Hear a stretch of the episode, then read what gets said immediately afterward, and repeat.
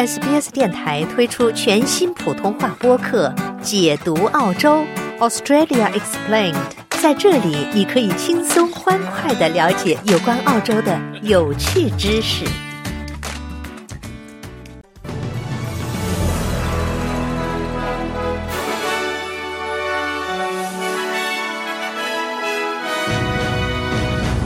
总理阿尔巴尼斯签署声明反对红海袭击。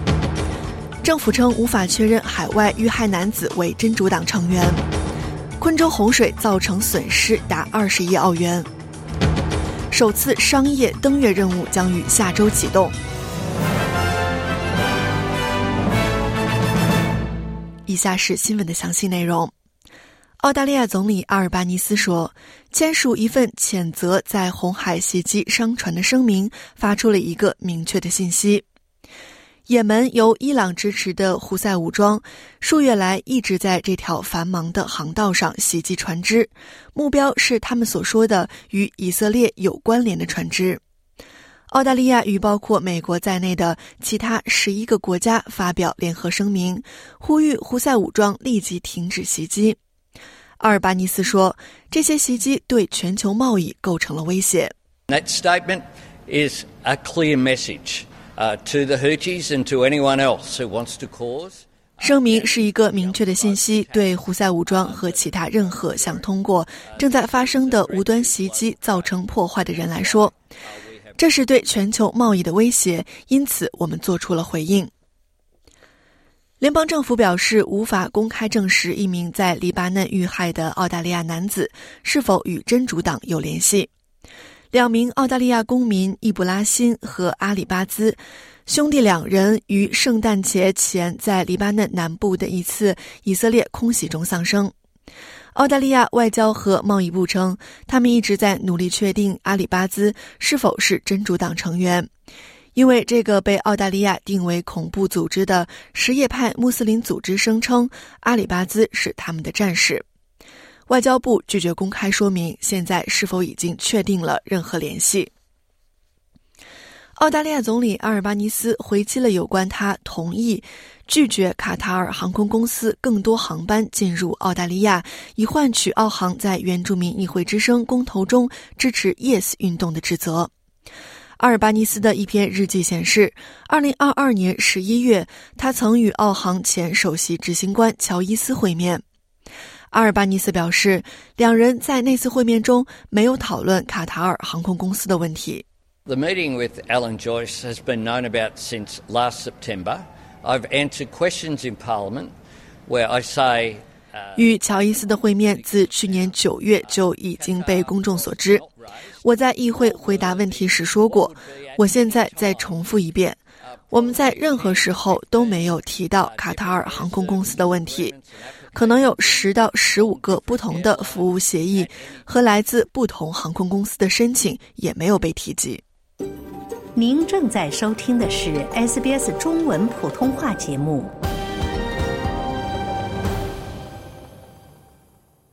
听众朋友，欢迎您继续收听 SBS 电台的新闻报道。接下来，我们来关注一下其他方面的消息。一名阿德莱德男子在等待救护车超过十个小时后，才被送往医院，最终经抢救无效死亡。南澳政府表示，他们正在尽一切努力解决所谓的救护车高峰危机。这名五十四岁的男子于十二月二十七日去世。当晚，阿德莱德各个急诊科室都宣布，所有救护车车辆处于白色代码状态。这意味着所有治疗室都正在被使用，救护车无法卸载现有乘客。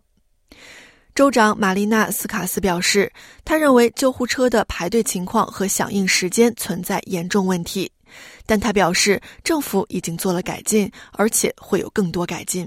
We've got a very clear plan throughout the course of 2024.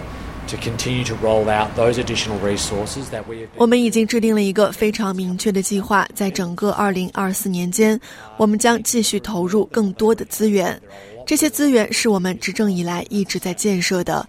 救护车的响应时间还需要进一步改善，但已经比两年前好了很多，这绝对是事实。昆士兰州当局表示。狂风暴雨给昆州造成的损失至少达二十亿澳元，预计未来几周这一数字还会不断攀升。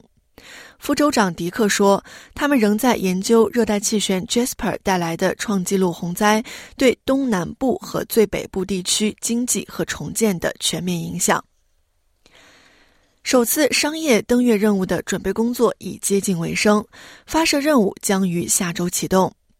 匹兹堡的太空机器人公司 Astrobotic Technology 将参与一月八日的发射工作。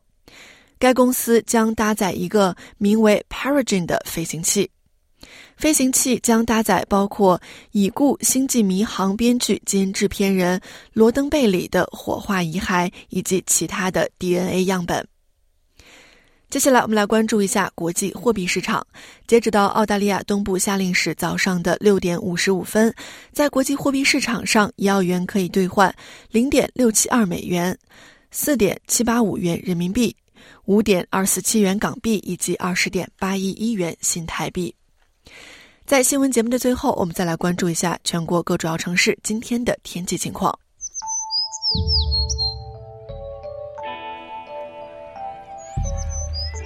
悉尼今天多云，最高温度二十六度；墨尔本以晴为主，最高温度三十度；布里斯班有阵雨，最高温度二十九度；堪培拉以晴为主，最高温度二十六度。阿德莱德有阵雨并有暴雨，最高温度三十二度；珀斯晴，最高温度三十三度；达尔文有阵雨并可能有暴雨，最高温度三十四度；霍巴特以晴为主，最高温度二十五度。听众朋友，以上新闻是由我为您编译和播报的，感谢您的收听。